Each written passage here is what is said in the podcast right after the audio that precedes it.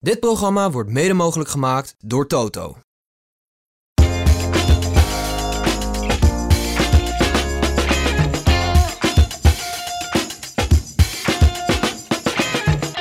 Eén, 1 2 2 2 1 Dat is geen braaien, maar het zijn wel de laatste zes uitslagen van Wout van Aert in eh, de Tour de France. Na drie tweede plekken in eh, deze Tour de France, nu eindelijk zijn overwinning. En wat was hij er blij mee? En wat was hij mooi, die zegen. Ja, heel indrukwekkend. Kijk, in de gele trui winnen is altijd Ja. al heel bijzonder. Maar de manier hoe hij het vandaag heeft gedaan, ja, echt ongekend. Op dat laatste hupje. Nou, ik vond het wel iets meer dan een hupje. Het was echt wel een stevige eh, berg.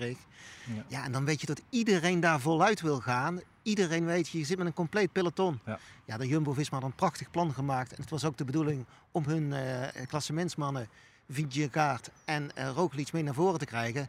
Maar ja, Wout trok zo hard door. Ja. Pakte een voorsprong van 20 seconden op dat bergje. Ja, en dan komt de tijdrijder in hem. Dit doen in de gele trui, Ja. ja. dit is echt eh, historisch. hoor. Ja, en ook het hele ploegspel. Hè. Laporte die super lang doortrekt. eh, Benoot, de, alle klassieke mannen die erbij zitten. Ja, en vervolgens eh, Wout van Aert die het dan zelf af kan maken. Maar ook nog eventjes, ik weet niet of jij het me- had meegekregen. Toch Roglic nog, zat even op een gaatje. Maar dat kan ook een beetje door zijn positie komen. Dus zagen we hier al een eerste moment dat misschien Vingegaard wat sterker is dan Roglic? Ik weet het niet. Nou, het was duidelijk op die klim was Ja. Vingegaard inderdaad iets sterker dan Roglic. Maar laten we hier op dit soort bergjes van een kilometer, laten we daar echt geen conclusies uit gaan trekken. De Tour moet echt nog gaan Ja. beginnen. Kijk, Jumbo-Visma heeft heel veel al binnen. Ja. Kijk, die eerste drie dagen, of die eerste vier ritten zijn zeer succesvol verlopen. Hebben de gele trui echt riant in eh, bezit op het ogenblik. Dat zal de komende dagen hopelijk ook zo blijven.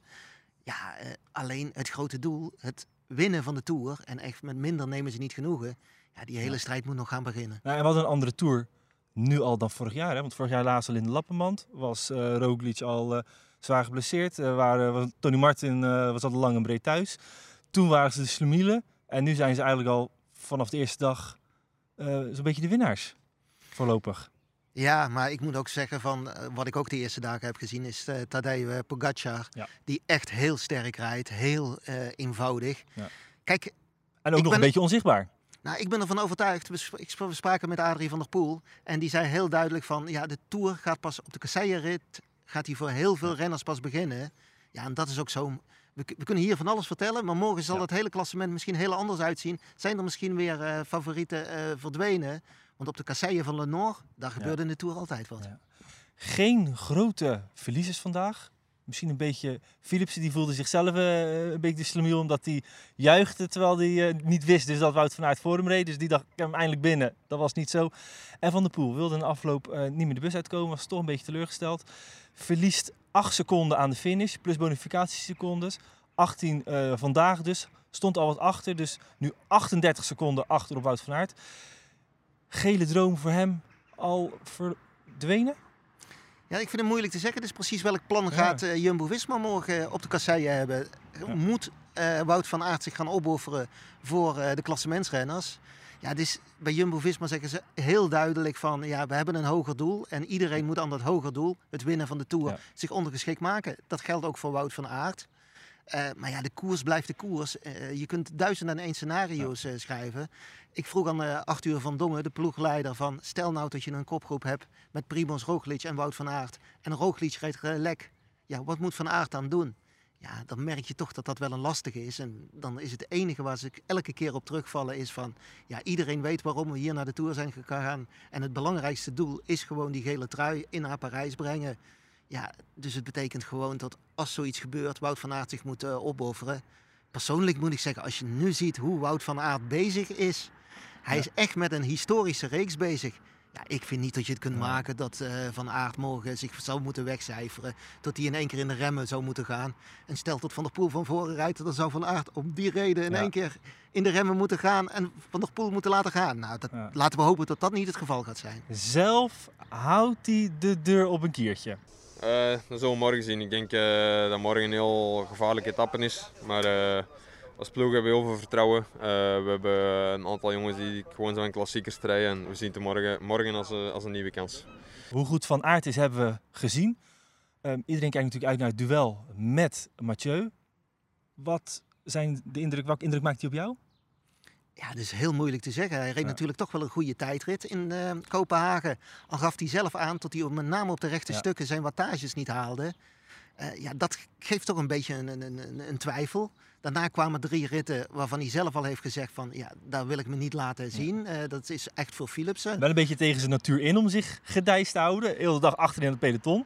Ja, maar van de andere kant, hij laat ook, heeft ook duidelijk gezegd vooraf van de massasprints laat ik gaan. En ze hebben Ja. Philipsen meegenomen Ja. daarvoor, die vandaag achter Van Aert ook heel knap die sprint wint. Eh, ja, anderzijds moet ik ook wel zeggen, van als ik de training van, van, eh, van Mathieu van der Poel richting deze Tour de France zag, als we de Strava-gegevens tenminste Ja. mogen geloven, ik vond niet dat hij bijzonder veel op de fiets heeft gezeten. Eh. Het leek net alsof hij iets minder getraind heeft en daarvan uit is gegaan. Ik verwacht dat hij echt in deze Tour nog echt in vorm moet gaan komen. En dat hij nu Ja. nog bezig is aan zijn vorm eh, te werken. Ja. Maar op de kasseien, ja, als hij ergens zijn zin op hè, heeft gezet. Het krachtigste punt van Mathieu van der Poel is toch zijn wilskracht. Ja. En als die kasseien ruikt, dan, dan, is die, dan is die los. Hè? Lille naar Arenberg, 11 kasseistroken onderweg. Ehm, ik denk iets wat je ook eh, veel nu hoort over, die, eh, over dat parcours, dat met name tussen strook 1 en 2 wel het grootste gevaar ligt. Want er zit 19 kilometer tussen. Dat betekent dat ze twee keer eigenlijk opnieuw aan die kassei moeten beginnen. Want vermoedelijk dat na kasseistrook 1 nog niet alles uit elkaar is getrokken. Dus twee keer giga nervositeit. Nou, ik denk, we gaan, we gaan er geen wetje op leggen, want ik denk dat we alle twee ja gaan zeggen op de vraag: gaat daar tussenin wat gebeuren? Of vlak voor die kasseien? Nou, ik denk het wel. Er zal altijd wel door de nervositeit eh, gevallen gaan worden. Misschien al lekke banden. Dus dat is natuurlijk een, eh, een kritisch punt.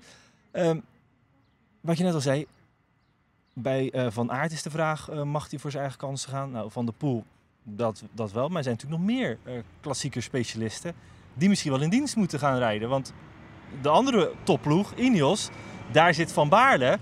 Die vroeg ik ernaar en die zei dit.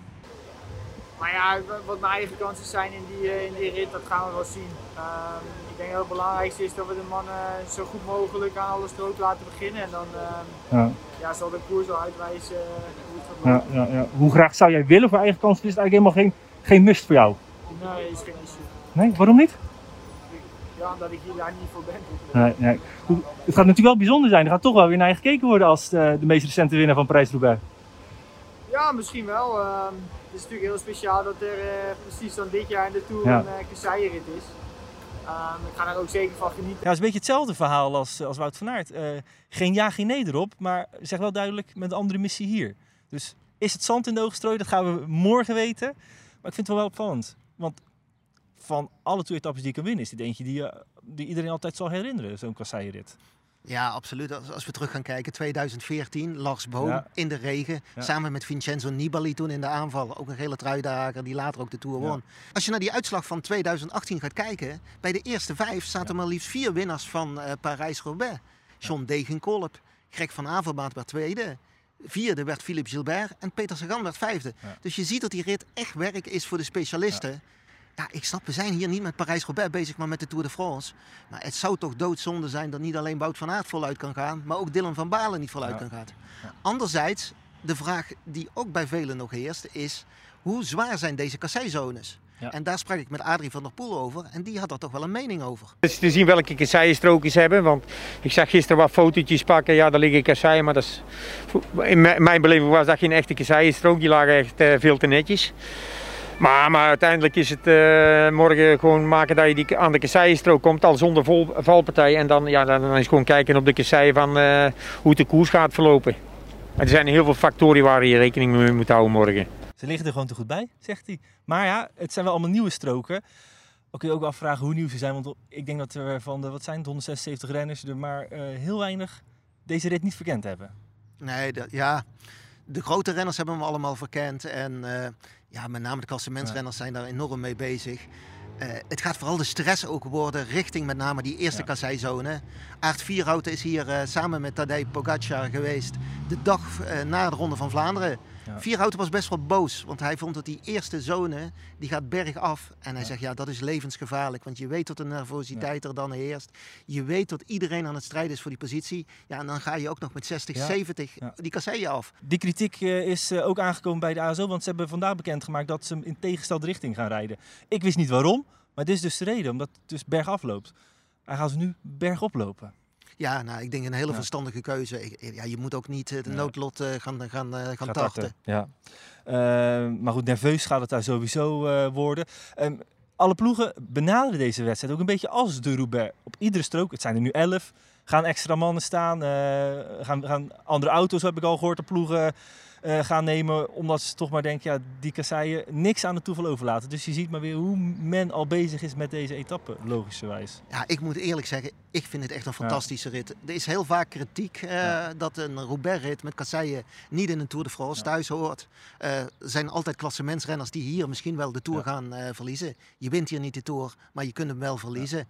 Maar anderzijds, het is de Ronde van Frankrijk. En Parijs-Roubaix is een van de grootste wedstrijden niet ter wereld, maar zeker ook in Frankrijk. Dus waarom zou je die wegen die zo wielerberoemd zijn, niet Ja, in nee, de eens. Tour eh, zetten? Maar goed, we hadden ook hele hoge verwachtingen van eh, een eh, brug in eh, Denemarken. De dag daarna, eh, langs de kust, hadden we ook hoge verwachtingen van het weer. Ehm, hopen maar dat we niet opnieuw teleurgesteld geworden met een eh, wat gezapige wedstrijd. Want sprak na afloop ook nog even met Taco van der Hoorn. En die zegt, ja, ik hoop niet dat ze het, net als vandaag, de hele dag gaan blokken. Dat ze er gewoon niet tussendoor kunnen komen, omdat de klassementsploeg het, het, eh, ja, de weg blokkeren om het maar zo gedijst eh, mogelijk te houden. Nee, maar er gaat zoveel stress morgen in het peloton zitten. Ja. Eh, richting die kaseizones gaan men zo vechten voor die posities. Die wegen in Le Nord, Ja. ja. die zijn ook echt smal. Ja, eh, hier- gaan vanzelf. En, en dan, gaan ook ongelukken gebeuren op eh, valpartijen komen op de kasseien. Lekke banden komen, waardoor de groepen uit elkaar worden getrokken. Nee, ik verwacht echt, eh, echt een, een wielerstrijd. En dan is ook de vraag, wat gaat Pogacar doen? Dat is denk ik na het duel eh, Wout van Aert, eh Mathieu van der Poel, denk ik wel de grote vraag. Hoe goed is die op de kasseien? Heeft een verleden, in zijn beloftetijd heeft hij Ronde van Vlaanderen en kattenkoers eh, gereden. Maar het is natuurlijk allemaal wat anders dan eh, in de Tour de France over die eh kasseien dokkeren. Nou, we hebben hem in de Ronde van Vlaanderen gezien. Waar hij dus de enige was de- die eh, Mathieu van der Poel eh, kon bijblijven. Misschien zelfs nog beter was. Ja. Want als je Mathieu daar later over hoorde, die zei echt van ja, Pogacar was op de klimmetjes en zeker op de Oude Kwaremond echt nog wel iets beter dan, eh, dan hij. Ja, ik denk van de klassementsrenners dat hij toch weer de beste eh, man is die over kasseien kan rijden. En ja, het oogt allemaal zo makkelijk op Ja, het is ogenblik in deze Tour. Ja. En hij is zo ontspannen. Ja, Ja. Het is eigenlijk een lust voor het oog om hem te Ja. zien. En ja, kijk ook naar de Strade Bianchi. Hè. Dat, dat zijn gravelwegen, dan geen kasseien, dus iets anders. Maar het is toch weer onverharde Ja. wegdek. En hoe soepel, hoe makkelijk hij op die fiets zit. Ja, Ja. Ik denk dat hij morgen ook wel een kans ruikt. Al is het natuurlijk de strijd. Hè. Jumbo-Visma heeft vier eh, klassieke renners meegenomen in dienst voor Roglic en Vingegaard.